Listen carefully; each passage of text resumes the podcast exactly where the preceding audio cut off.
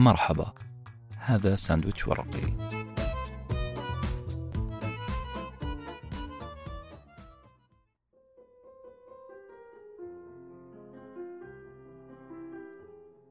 فيلسوف كبير مثل أفلاطون يقول الموسيقى تعطي روحا للكون أجنحة للعقل ورحلات مجانية للخيال.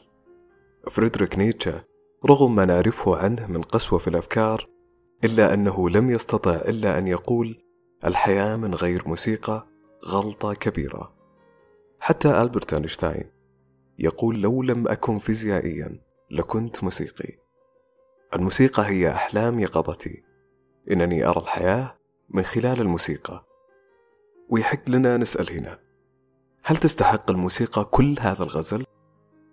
هل كل هذا الغزل لأن الموسيقى لغة البشر العالمية والموحدة؟ هل لأنها وبدهاء شديد تزيح من عقولنا الأرقام والقلق والكلام الزائد وتملأه بنغم موسيقي متناسق؟ هل لأنها الوحيدة اللي إذا ضربت لا توجع وإذا أطلقت نيرانها لا تحرق وإذا استعمرت عقولنا لا تهدم نعم أعتقد أن الموسيقى بناء لا هدم دفء لا احتراق لذة لا وجع الموسيقى باختصار غذاء للروح والقلب. وإذا كانت الموسيقى غذاء الروح والقلب فالحب كمان غذاء الروح والقلب. الحب وبنفس دهاء الموسيقى يملأ روحك بشعور جميل يزيح مشاعر سلبية. منكدة عليك حياتك يزيح الخوف الوحدة وجفاف القلب. إذا كانت معرفة لغة الموسيقى تؤهل الموسيقار والملحن يعمل جمل موسيقية تضرب آذاننا وأرواحنا فمعرفتنا بلغة الحب أيضا بإمكانها أن تؤهلنا أن نؤلف سيمفونية سيمفونية تعيش معها أكمل وجه من أوجه الحب. مؤلفنا اليوم كلمنا عن خمسة عوامل تؤهلنا لصنع سيمفونية الحب. ليه نتكلم عن سيمفونية الحب؟ لأنه للأسف نسمع كثير عبارة مؤلمة تقول الزواج مقبرة الحب. قد تكون هذه العبارة صادقة لكنها ليست ظاهرة حتمية. يعني مو شرط أن يكون الزواج مقبرة الحب ولكننا نغذي بعض العوامل التي تقود الزواج والحب للمقبرة. مثلا التعود الروتين الخلافات مشاغل الحياة وهمومها كلها عوامل رئيسية تزفر بقوة على جدوى الحب لإطفائها. عبارة الزواج مقبرة الحب ورغم انتشارها هي عبارة خاطئة شكلا وتفصيلا. ليس الزواج مقبرة الحب بل نحن مقبرة الحب.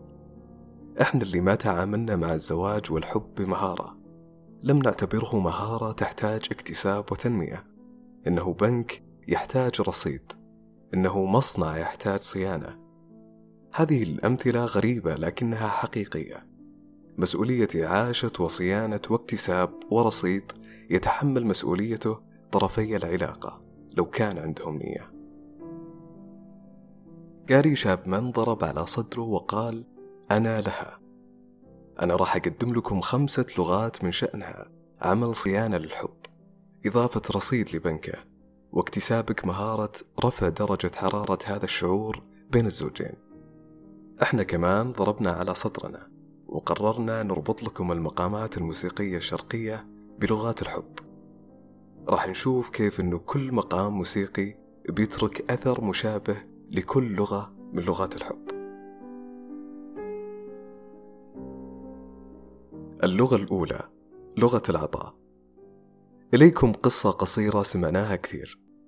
هو حبها وهي حبته. تزوجوا وعاشوا أحلى حياة. العشرة لعبت لعبتها والاثنين فهموا بعض. كان مهتم بمستقبل العائلة وهي بتوفر أجمل بيئة في البيت. كل شيء كان على ما يرام. كل شيء مرتب منظم ومجدول في حياتهم. لدرجة تحولت علاقتهم لشيء أشبه بالدوام الرسمي. تحولت علاقتهم من شراكة عاطفية لشراكة مسؤوليات. للأسف المسؤولية نستهم شراكتهم العاطفية.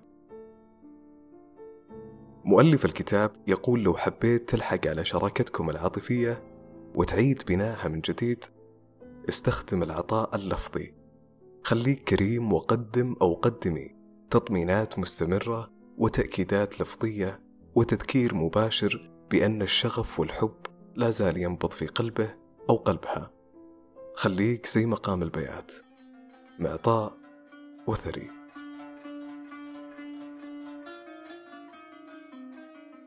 مقام البيات هو سيد المقامات العربية وأكثرها انتشارا.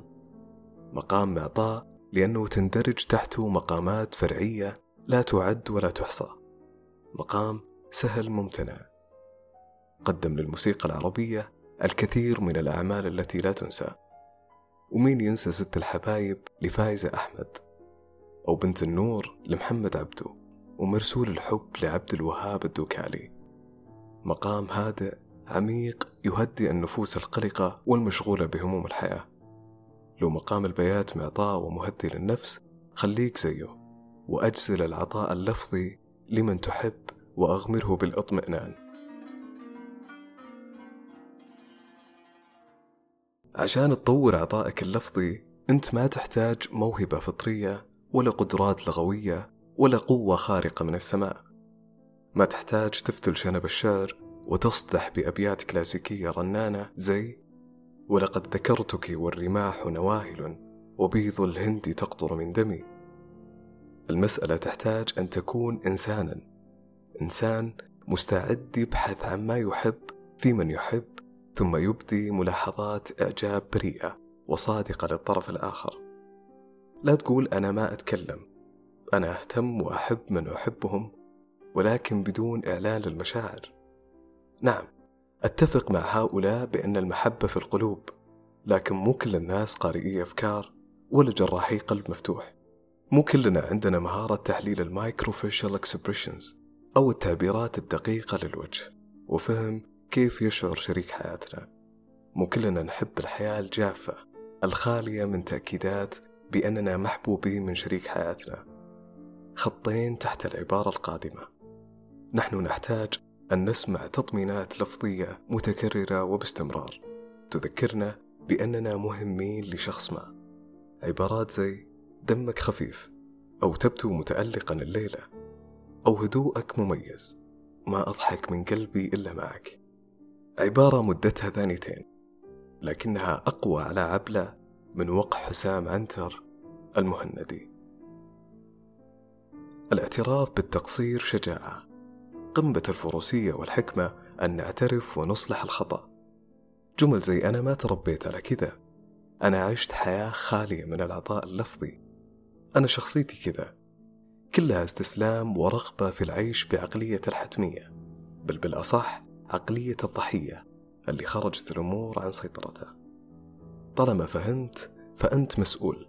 أنت مسؤول عن رفع منسوب الثقة عند شريك حياتك. مسؤول عن تجديد الدماء في العلاقة. مسؤول عن العطاء كما هو مقام البيات. مسؤول عن العطاء لموسيقانا العربية. اللغة الثانية الوقت النوعي.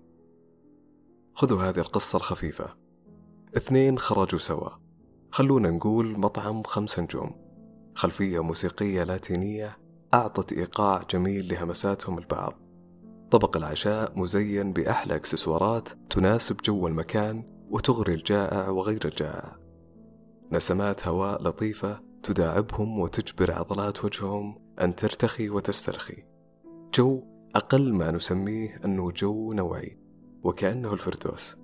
ولكن فجأة صرخ جواله بنغمة وصول رسالة وصاح جوالها باتصال من أختها. انشغل كل منهما لدقائق معدودة. حاولا العودة للفردوس مرة ثانية لكن هيهات. وهكذا أخرجهما شيطان التكنولوجيا من جنة الوقت النوعي الجميل. الوقت النوعي هو اختلاق المناسبات. عبارة عن إيجاد وقت أو مناسبة تقضيها مع شريك حياتك بدون مشتتات. ركز عزيزي المستمع والمستمعة في كلمة بدون مشتتات. الوقت النوعي لغة تثري الحب. يكون محور التركيز دائما هو أنتم الاثنين. أنتم الاثنين بس. الوقت النوعي هو جو سعيد مبهج. نفس الجو اللي قدمه مقام العجم لأرواح السميعة. مقام العجم أقرب المقامات للموسيقى الغربية. لهذا السبب تستخدم الأوركسترا العسكرية في لحن السلام الوطني لمعظم الدول العربية لأنه ببساطة سهل أن يعزف على الآلات الغربية. مقام العجم هو مقام لسه فاكر لأم كلثوم يا بعيد الدار لعباد الجوهر وأهواك لعبد الحليم حافظ. مقام يستخدم لأنواع محددة من المناسبات زي ما قلنا في الاحتفالات الوطنية والرسمية. لذلك نسميه تجاوزا مقام الوقت النوعي. إذا كنت مهووس بتعقب السنابات الجديدة فاحتمالية نجاح وقتك النوعي ضئيلة. كلمة نوعي معناها أن يكون محور الاهتمام في هذا الوقت فقط لشريك حياتك ولا يشوبه أي تشتيت. لا تعتقد أن جلستكم آخر الليل على فيلم نتفليكس هي وقت نوعي. قد يكون وقت جميل لكنه ليس بالضبط ما نقصده بالنوعي. سهرة النتفليكس لو كنا صريحين شوية هو وقت نتفليكسي. الوقت النوعي هو جلسة آي كونتاكت عالي. كلام أخذ وعطاء. جولة مشي حر محورها أنتما الاثنان. لذلك اضرب على أوتار صدرك وأعزف لمن تحب وقت نوعي على مقام العجم.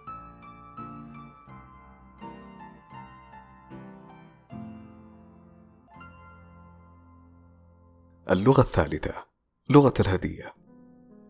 قصة قصيرة روتينية. هو غضب وارتفعت نبرة صوته فوق الحد المعقول. هي بدورها ذكرته بانشغاله عن البيت بطريقة مستفزة. فتحوا ملفات قديمة ونبشوا عن مواطن تقصيرهما بصراحة جارحة نوعا ما. توترت العلاقة. بدأت تحس بأنه نساها وبدأ يشعر بأنها تتناساه عمدا. هذه القصة تقول لي شيء واحد أن طرفا العلاقة مثاليان لأبعد حد. طبيعي أن يحصل خلاف. طبيعي أن تخرج الأمور عن السيطرة قليلا ويصارح كل واحد الآخر بعيوبه. لا علاقة في الدنيا لا يشوبها فتور أو جدل أو زعل. كان على الطرفين أنهم يكونوا واقعيين شوية ويعرفوا أن الزعل وارد. الحل الوحيد لما يعتري هذه العلاقة هو الكلام بلغة الحب الثالثة الهدية. الهدية لغة عالمية وظيفتها ترضي زعلان وتزيد السعيد رضا. وهذا هو نفس الأثر اللي يتركه مقام النهاوند فينا. النهاوند هو مقام الموشحات الأندلسية مقام حبيتك بالصيف لفيروز وألف ليلة وليلة لأم كلثوم. تتميز الهدية من بين لغات الحب بأنها شيء ملموس تستطيع أن تمسكه بيدك. لما تهدي شريك حياتك هدية فأنت تسهل عليه قول هو تذكرني. بالتأكيد هو يتذكرني وهو خارج البيت في هذا العالم المليء بالمغريات. الهدية غالية كانت أو رخيصة هي دليل يرى في مكان ما في البيت في السيارة على التسريحة أو مكتب العمل. دليل قابع أمامك ليل نهار ويكلمك بلغة غير منطوقة قائلا تطمن أنت مهم عند شخص ما. دليل يهديك لو زعلان ويزيدك سعادة لو سعيد كما يفعل مقام النهوند لغة الحب الرابعة لغة الأكشن. مرة ثانية أو ثالثة. اسمعوا معي هذه القصة القصيرة. هو استيقظ من النوم فوجدها مجهزة سفرة فطور وكأنها لوحة فنية رسمها فنانون من عدة دول. الكرواسون الفرنسي بالزبدة بانكيك يسيل من أطرافه شراب العسل أومليت مقصوص الأطراف بكل أناقة وبراد شاي يطلق أدخنته ليعطي السفرة قليلا من الضباب المغري. هو وبابتسامة على شفتيه رد لها الدين بأنه خالف كل توقعاتها وساعدها في ترتيب البيت. جوز الكناري هذا اتفقوا أن ينطلقوا إلى رحلة أوت دور سريعة لكسر الروتين. وهنا بدوري أقول برافو عليهم. لأن إقحام بعض العادات الجديدة وعمل الأكشن مختلف في حياتهم هو سر من أسرار العلاقة الغنية والمتجددة. تحتاج لأجل هذا الشيء أنك تخرج من نمطك وتاخذ أكشن معين يساعد شريك حياتك. تماما زي اللي يعمل الموسيقي مع مقام الحجاز. من اسمه. هذا المقام نشأ في أرض الحجاز وانتشر خارجه. مقام يتميز بالحنية والشفافية. مقام أغنية يبان الشوق لعبادي وبحلم بيك لعبد الحليم ويا أنا الفيروز. مقام الحجاز مساحته واسعة. لذلك فالموسيقي يحتاج أن يخطط جيدا لاستخراج جمل موسيقية جديدة منه. وإلا فإنه سيقع في نمط اللحن الشعبي والدارج. كما يحتاج الموسيقي للتخطيط والتأمل لخلق جملة جديدة على مقام الحجاز تحتاج أنت كمان تأخذ أكشن عشان تكسر الصورة النمطية اللي تكونت في عقل شريك حياتك.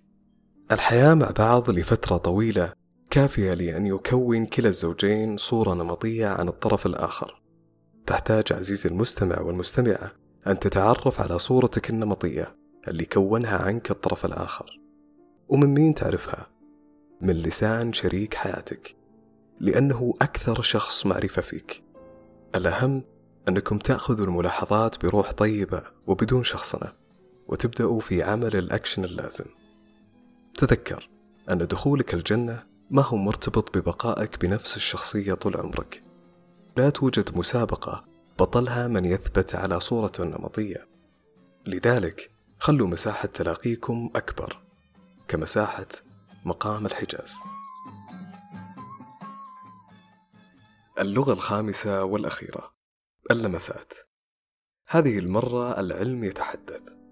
الأبحاث تؤكد أن التواصل الجسدي وحاسة اللمس وسيلة تواصل رئيسية بين الوالدين وابنهم. الأطفال الذين نالوا قسطا كافيا من التربية والملامسة والتقبيل هم أطفال أصحاء نفسيا مقارنة بغيرهم. والظاهر أن الإنسان ما ينفطن من هذا السلوك لأن حتى مع البالغين اللمسة الحانية تعتبر من أقوى اللغات للتعبير عن الحب. لغة صريحة تشبه مقام الرست أو الراست المقام الصريح في شرقيته وانتمائه للعالم العربي. كلمة راست معناها الأصلي الخط المستقيم ومقام الرست فعلا مقام مستقيم وصريح. فهو شرقي وطربي بحت. لاحظوا الجراءة والصراحة في أغنيتي أنا قلبي إليك ميال وأغنية غني لي شوي شوي. أغاني تصدح جراءة ووضوح. أو كما وصف صديقي مقام الرست وقال إذا نغمت الكلمة على الرست تحولت لشريعة وقانون. تصبح الكلمة حد فاصل بين الهزل والجد. هذه اللغة ما تحتاج لكثرة تفسير ولا فتوى وتنظير ولا مجهود كبير. لغة اللمسات ما تحتاج منك إعادة تشطيب البيت ولا دفع مبالغ طائلة ولا حتى إعداد ذهني مرهق. لأنه مشاهد تلفاز ولحظات التوديع عند الذهاب للعمل وسهرة العشاء في مطعمكم المفضل كلها فرص عظيمة مجانية وسهلة كي تتلاقى الأيدي. لقاء الأيدي لغة من شأنها أن تعبر عن حبك لشريك حياتك. أو شريكة حياتك. لذلك أتقن اللغة الخامسة. أتقن رصد اللمسات. شاب مان في نهاية الكتاب يؤكد نعتقد بأننا رومانسيين كفاية. تعتقد أيها الزوج أنك نموذج لا يعوض في التعبير عن حبك لزوجتك وتعتقدين بأنك أشبعت حاجات زوجك العاطفية. للأسف لسنا كذلك. أو في أحسن الأحوال اللي نعمل في سبيل مضاعفة الحب في بيوتنا أقل من المطلوب. معزوفة الحب في حياتنا أشبه بلحن عابر. بينما ساندويتش ورقي يقول لكم اصنعوا بالمقامات الخمسة. سيمفونية حب. خالدة. قام بإلقاء هذه الحلقة أحمد. في حفظ الله.